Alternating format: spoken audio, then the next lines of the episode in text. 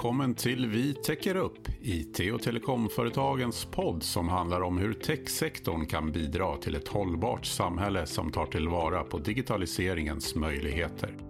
I podden bjuder vi in intressanta gäster för att samtala om vägen mot framtiden och prata om hur digitaliseringen kan hjälpa människor, företag och samhälle att nå sin fulla potential. Vi tittar på hur ny teknik och innovativa lösningar kan utveckla verksamheter och affärer och öka tillgänglighet och effektivitet inom både privat och offentlig sektor. För jobben, välfärden och ett hållbart samhälle. Jag heter David Bogerius och vi täcker upp poddens redaktör är Nicole Vianna.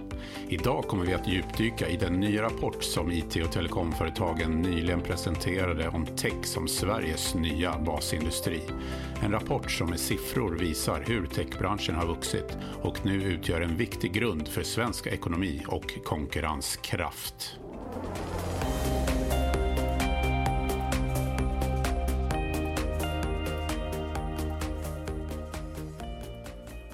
Välkommen till Vi täcker upp-podden, Kristina Ram Eriksson, näringspolitisk chef på IT och telekomföretagen. Tack så mycket.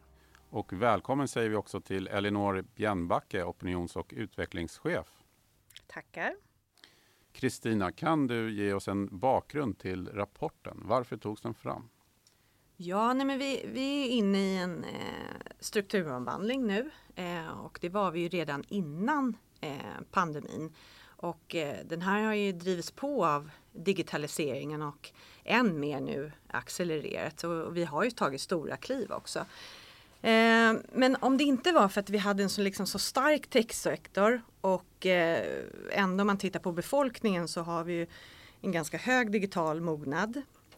Och eh, vi har kommit en bra bit på vägen eh, i vår digitala omställning. Om det inte hade varit för det så hade vi stått ännu svagare idag helt enkelt. Eh, men en stor del, det får vi inte glömma bort, en stor del av digitaliseringen ligger trots allt framför oss. Eh, och samtidigt så står vi inför en hel del samhällsutmaningar. Eh, jag tänker på Eh, klimatomställningen, vi har eh, demografin eh, med en befolkningsökning då i framförallt de högre åldersgrupperna. Eh, och om vi ska liksom kunna tackla de här utmaningarna eh, så måste vi kunna ta tillvara på de möjligheterna eh, som finns eh, och vi behöver då en eh, världsledande techsektor i, i Sverige.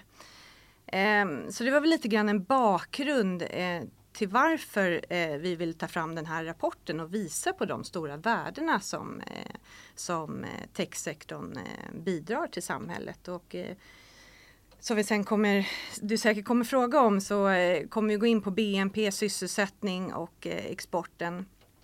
Eh, och mycket av det här är också en förutsättning för, för många andra branscher och deras konkurrenskraft. Så att, och, och i rapporten så mm, pekar ju utvecklingen upp, uppåt också och eh, det är ett ökat värde som vi, som vi ser. Sen är det klart att vi också ville mm, påverka politiken i våra viktigaste frågor också. Ja, vi ska ju såklart prata mer om eh, rapportens innehåll. Men kan du Elinor börja med att ge oss en def definition av tech och branschen? Hur skulle du beskriva begreppet och vad som ingår i det i form av olika delbranscher? Ja, 10 000 kronors frågan kanske. Nej men skämt åsido, det är, inte, det är ju inte helt enkelt att definiera. Eh, I och med att tech finns ju runt om oss, eh, med oss, på oss hela tiden.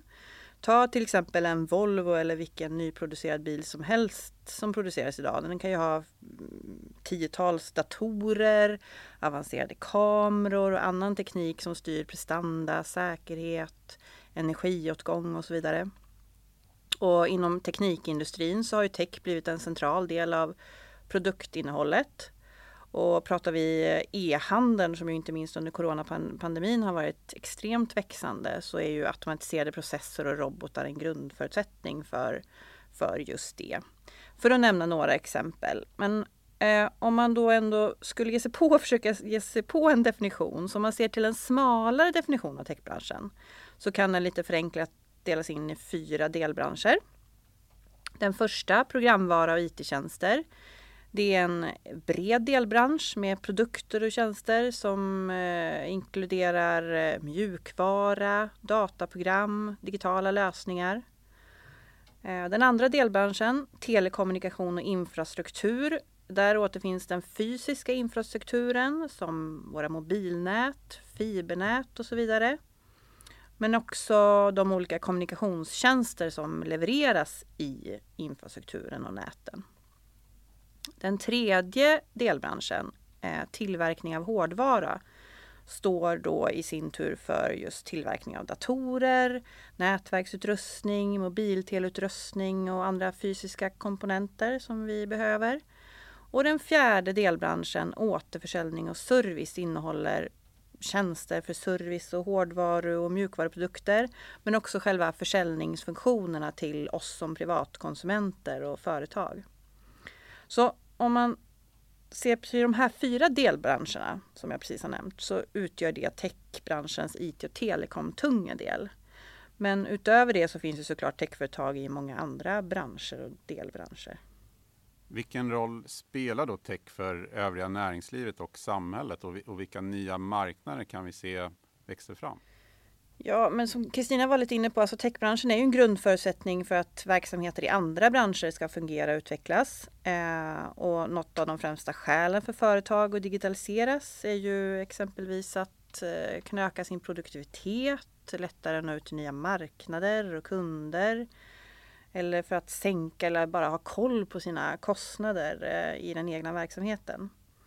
Eh, men jag skulle nog ändå vilja säga att techbranschens genomslagskraft eh, är större än så. Eh, alltså i takt med att traditionella branscher och sektorer digitaliseras och nyttjar teknologi i allt högre grad så uppstår ju också möjligheter där i gränslandet, alltså mellan nya marknader, eh, mellan de mer traditionella branscherna och nya marknader eh, att växa fram. Eh, och det finns ju redan idag flera etablerade marknader som uppstått just i gränslandet där mellan traditionell IT och telekombransch och andra branscher. Eh, ska ta några exempel. Digitaliseringen och ökad användning av teknologin inom eh, utbildningssektorn har lett fram till det som man brukar kalla för edtech. Eh, högteknologisk utveckling eh, tillsammans med behovet av en mer effektiv och, och, bättre vård och omsorg har lagt grunden för health tech. Och, eh, idag är ju data en förutsättning för industrins användning av AI-teknik, robotisering, automatisering, eh, det man brukar kalla för indtech. Och även inom juridiken som kanske traditionellt sett brukar ses som ganska, en ganska traditionell bransch får man väl ändå säga, så sker ju utveckling i form av ökad digitalisering av exempelvis affärsjuridiska tjänster och det brukar man kalla då för legal tech. Livsmedelssektorn där har ju techs inflytande, och bidrag, techs inflytande bidragit till det som man kallar för Foodtech som ju mer eller mindre har transformerat eh, delar av eh, livsmedelsindustrins värdekedja i allt ifrån framställning av nya hållbara livsmedel till digitala tjänster för leverans till affärer och som privatkunder som inte minst har utnyttjats också väldigt mycket under det senaste året som har varit. Eh, clean tech som angränsar till miljö och energiområdet samlar ju eh, i sin tur alla då processer och produkter och tjänster som på olika sätt reducerar negativa miljöeffekter. Och sen är det ju så att även i gränslandet mellan techbranschen och offentlig sektor så växer det ju fram nya marknader. Det brukar man kalla för GovTech. Eh, just för att möta behovet av teknologiska lösningar i relation mellan oss medborgare och myndigheter. Så om man ser till en bredare definition av techbranschen. Jag, jag pratade tidigare om de här fyra delbranscherna som utgör branschens IT och telekom tunga del. Som man då kanske kan definiera som den smalare eh, definitionen av techbranschen. Men ser man till en bredare definition så skulle ju alltså även de här nya marknaderna eller delbranscherna inkluderas.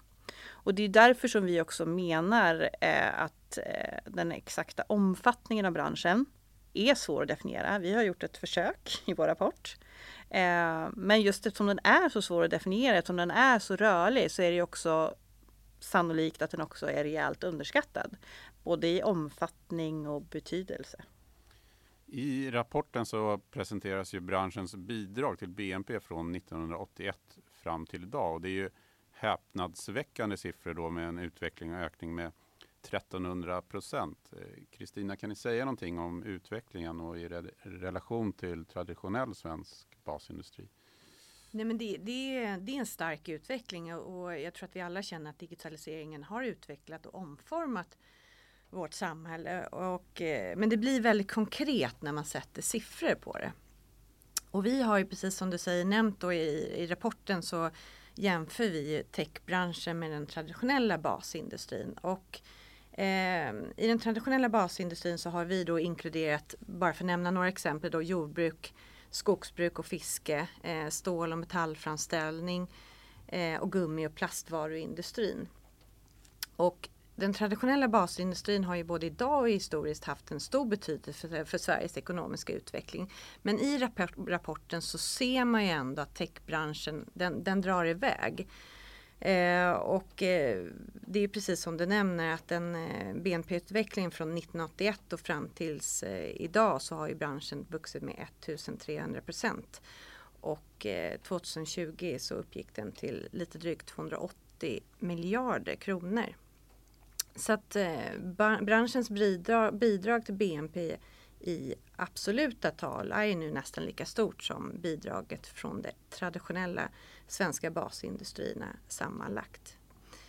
Ehm, så den har ju gått från nästan då motsvarar 1% av BNP till nu nästan 6 eh, idag. Så från 20 till 280 miljarder. Så det är helt klart en, en stark utveckling.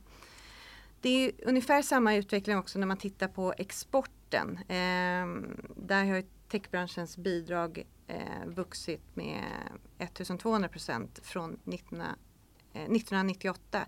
Så från 11 till 140 miljarder under den här, eh, under den här perioden. Så att eh, även här står sig techbranschen starkt då i jämförelse med övriga branscher i näringslivet. Men om vi tittar på antalet anställda och företag, då, vad visar rapporten där och vad säger den om, om jobben och branschens bidrag till sysselsättningen? Ja, men om, vi, om vi tittar på de eh, traditionella, eller det som vi traditionellt benämner IT och telekom så ser vi att antal anställda har ökat med ungefär 15 procent och eh, uppgår nu till lite drygt eh, 216 000. Och det är framförallt den här delbranschen eh, programvara och IT-tjänster som, som står för den största ökningen av antal sysselsatta. Och, men kurvan pekar ju uppåt och det är där många eh, av framtidens jobb finns. Eh, techindustrin efterfrågar arbetskraft redan idag. Och eh, det här har vi i en tidigare rapport som vi presenterade innan jul också eh, redogjort för att det beräknas sakna omkring 70 000 personer för att täcka behovet fram till 2024. Eh, vad gäller antal företag så har ju de ökat med ungefär lika mycket, runt 18 procent och ligger på nu omkring 51 500 företag. Och det motsvarar ungefär 4,5 procent av det totala antalet företag i Sverige. Och branschens totala omsättning 2018 uppgick till 770 miljarder och exporten till 6 procent av Sveriges totala export. Det är ju då en kontinuerlig ökning som vi kan se i diagrammen från rapporten. Kommer det här att fortsätta öka? Ja, men i, i rapporten kan vi se att det är en, en positiv riktning på utvecklingen. Eh, och techbranschens omsättning i absoluta tal utgör nu 63 procent av de traditionella basindustrierna sammanlagt. Så att, och techbranschen har inte enbart bidrag till, till liksom export och genererat arbetstillfällen och, och gett upphov till innovation utan eh, också utvecklats till en slags bas i svensk ekonomi med nya lösningar och tjänster som eh, genererar eh, tillväxt i, i alla branscher. Så att ja, kommer att fortsätta öka. Man kan ju se att eh, techbranschen utveckling är enbart i sin linda.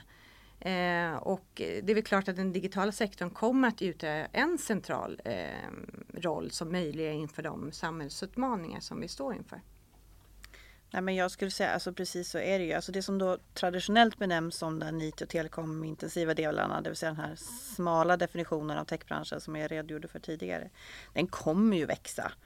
För i och med att vår bransch ju är en grundförutsättning för att verksamheter i andra branscher ska fungera och utvecklas så kommer ju också efterfrågan på de produkter och tjänster som, som så att säga, den här delen av eh, sektorn och branschen eh, står för, den kommer ju, den kommer ju fort, fortsätta öka.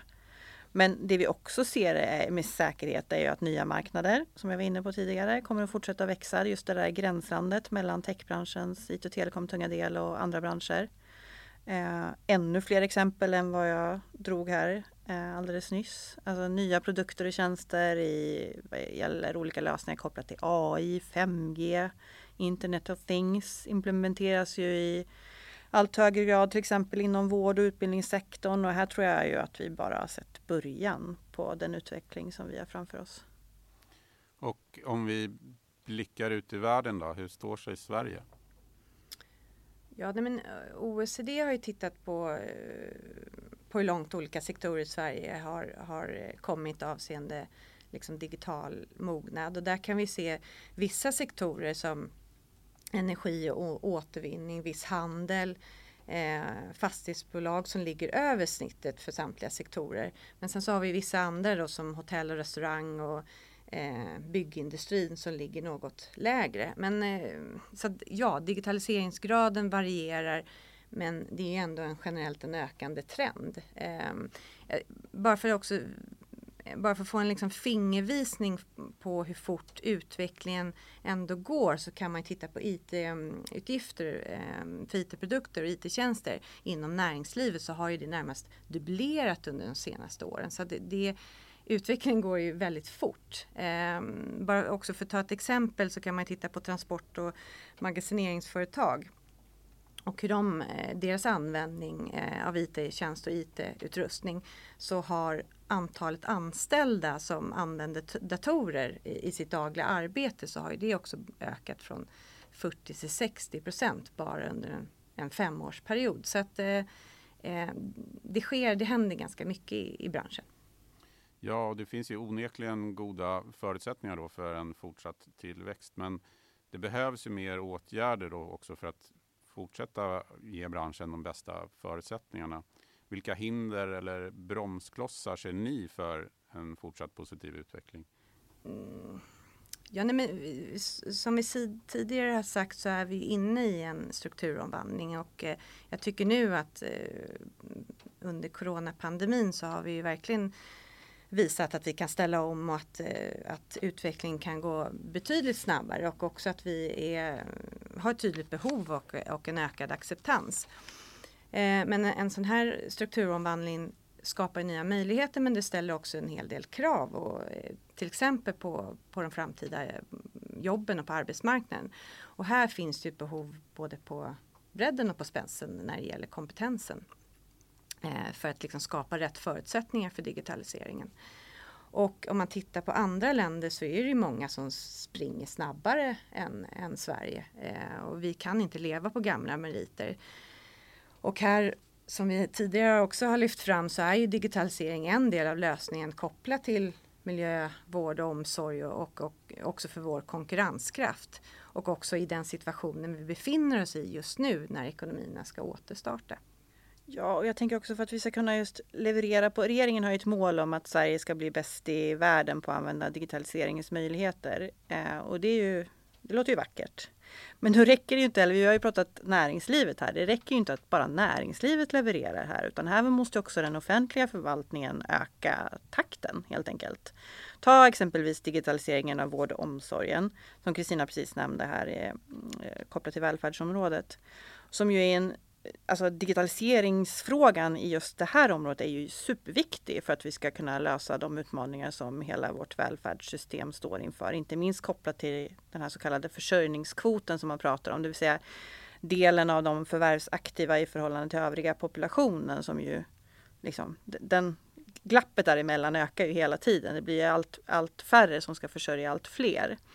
Och vi är nog alla överens om att vi behöver göra mer på det här området. Eh, vi kan liksom inte lösa morgondagens problem med gårdagens lösningar. Eh, men, och det är ju det är så man brukar prata. Men lite så är det ju faktiskt precis det vi gör idag. Alltså självklart så behövs det fler händer inom exempelvis vården och omsorgen. Eh, men pengarna och händerna kommer inte att räcka till.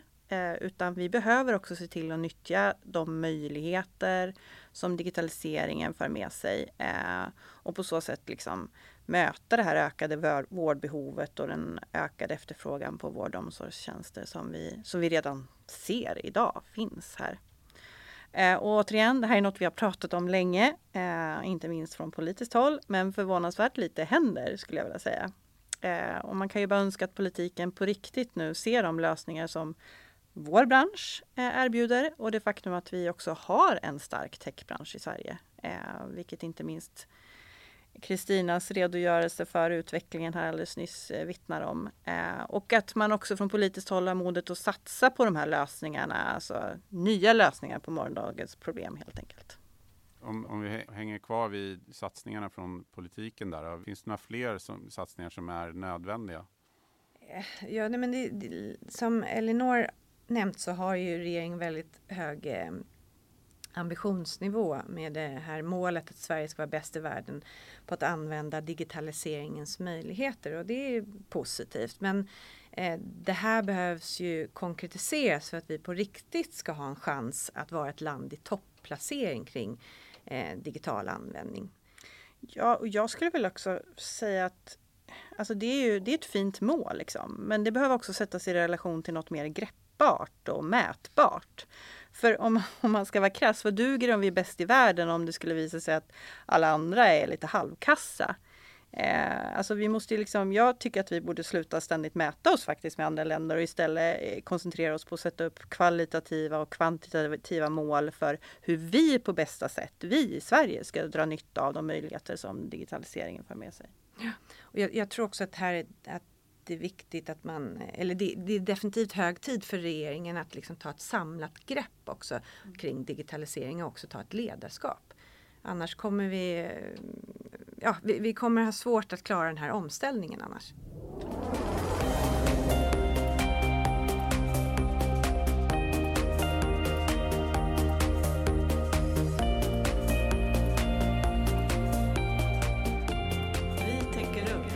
Men om jag ska nämna några prioriterade frågor så är ju eh, en av de viktigaste är ju, är ju klart jobben och i rapporten så lyfter vi fram att 60 procent av de nya jobben eh, som skapades i Sverige under en tioårsperiod fram till 2016 uppstod ju faktiskt i de IT-intensiva, IT-intensiva sektorerna. Samtidigt så vet vi att det saknas ungefär 70 000 IT-experter fram till 2024. Så för att vi ska kunna fortsätta vara den här jobbskapande kraften så behövs ju techsektorn. Eh, men även övriga delar i samhället en ökad tillgång till digital eh, kompetens och också eh, liksom hela befolkningen eh, en, en stark digital eh, mognad. Så att en satsning på digital kompetens behövs såväl på bredden som, som på spetsen. Sen så har vi även eh, den digitala infrastrukturen och här har ju pandemin verkligen tydliggjort betydelsen av, av eh, bredbandstillgång som en förutsättning för att man ska kunna studera och arbeta, kommunicera och inte minst kanske också upprätthålla eh, sitt sociala liv. Eh, och nu ser vi att tempot i bredbandsutbyggnaden har ju saktats ner. Och det här har ju också bekräftats i eh, flera rapporter från PTS. Och det är ju också de här ut, mest utmanande delarna, glesbygden, som återstår av utbyggnaden. Så att eh, det här är ju viktigt att alla i hela landet ska kunna ta del av digitaliseringens möjligheter. Vi går ju också snabba steg mot ett samhälle eh, där vi utnyttjar digitaliseringen. också bara för att ta ett exempel så ökar ju digital vård och omsorg, omsorg i större uts, utsträckning eh, kopplat till hemmet. Och, eh, det här ökar ju också behoven av att faktiskt ha möjlighet att koppla upp sig till ett robust och eh, säkert nät. Så att både offentlig sektor och näringsliv behöver ju en fungerande uppkoppling för att kunna bedriva sina verksamheter. Vi har ju tryckt tidigare också på investering i bredband, bredband i eh, vårt åtgärdspaket bland annat. Och regeringen har ju också eh, avsatt medel i budgetpropositionen.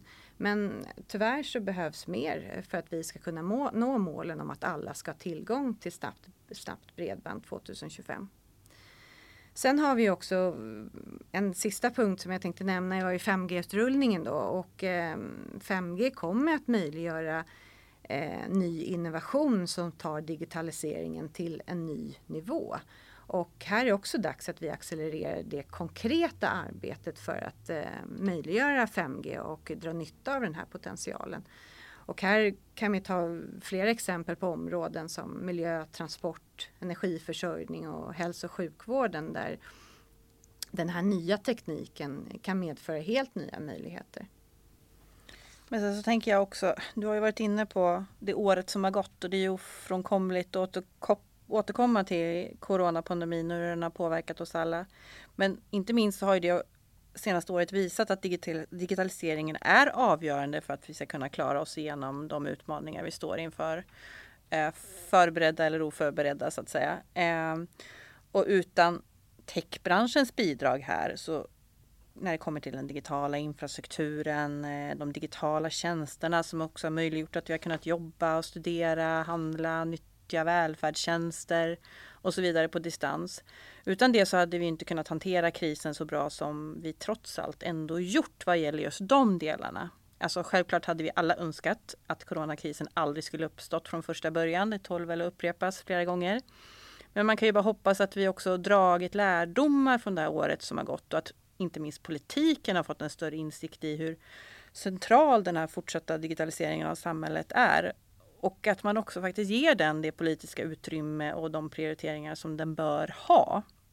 Jag tycker att eh, Amy Lotfi som är professor i informationsteknologi och vice rektor för AI vid Örebro universitet. Jag tycker hon formulerade det väldigt bra. Eh, Digitaliseringen har möjliggjort en plan B för många organisationer under coronapandemin och nu är det dags att digitalisering blir plan A. Det är väl ganska välformulerat, eh, tycker jag personligen.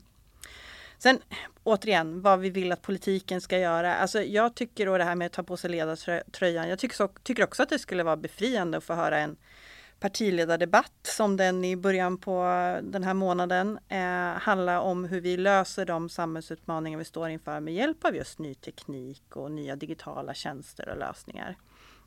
Det vill säga hur löser vi morgondagens problem med nya lösningar?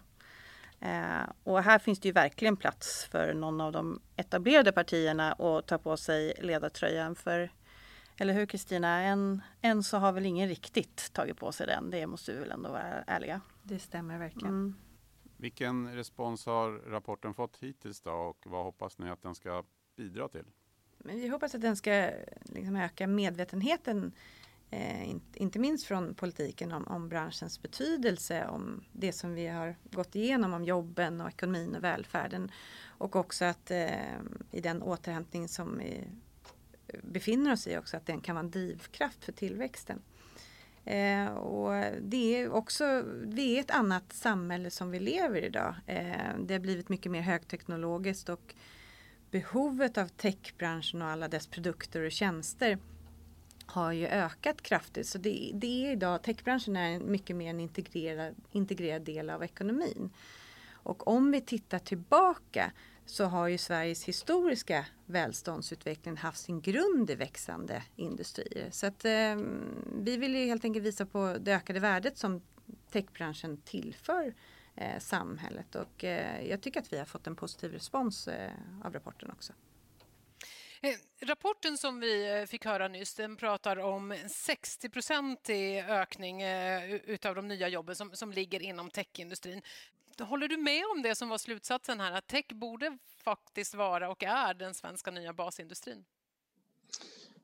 Ja, alltså, det är ju så här att det är ungefär som att fråga om vatten är vått, ärligt talat. Eh, det är ju så här att jag kan inte se framför mig egentligen någon bransch, någon del av näringsliv eller för den arbetsmarknad som inte kommer att beröras av de här verktygen. Eh, därför att det är inte någon smal liten del numera, den där spelindustrin, eller, utan det här är naturligtvis så samhällsgenomgripande att det är klart att det, det, det är, för mig är det så självklart att det är inte bara basindustrin, det är kärnan, tillsammans med klimatomställningen kommer det vara kärnan i det svenska näringslivets konkurrenskraft. Eller om vi inte lyckas, oförmåga att hänga med i så fall. Här hade vi ju Ibrahim Baylan, näringsministern, som deltog på webbinariet där IT och telekomföretagen presenterade techrapporten. Vad säger du om det här Elinor? Ja men alltså, det kan ju inte bli så mycket tydligare än så. Ja, vatten är vått. Ja, techbranschen är den nya basindustrin. Eh, och det var ju väldigt glädjande att få ett sånt tydligt besked från vår näringsminister måste jag ändå säga. Så att eh, vad gäller mottagandet där har vi väl ingenting att klaga på. Eh, jag skulle också hoppas och tro att även rapporten har gett lite boost till våra medlemsföretag och techföretag i branschen i stort. Att eh, verkligen, ni är superviktiga och ni har en jätteviktig eh, pusselbit att fylla här i, eh, i den framtida digitaliseringen av Sverige och konkurrenskraft kopplat till utvecklingen av välfärden och så vidare. Ni är viktiga. Man kan kanske hoppas då att digitaliseringen i valrörelsen går upp till plan A. Mm. Det är dags. En, en bra förhoppning att avsluta med. Då säger jag stort tack så mycket Kristina och Elinor för att ni ville vara med i Vi täcker upp-podden. Tack. tack så mycket. Vi täcker upp. Tack för att du har lyssnat på Vi täcker upp-podden. Vi är snart tillbaka igen med nya intressanta gäster. Följ gärna hashtaggen vi täcker upp och vår sajt på itot.se där vi kontinuerligt lyfter goda exempel på hur branschen bidrar. Jag heter David Bogerius och redaktör för Vi täcker upp-podden är Nicole Vianna.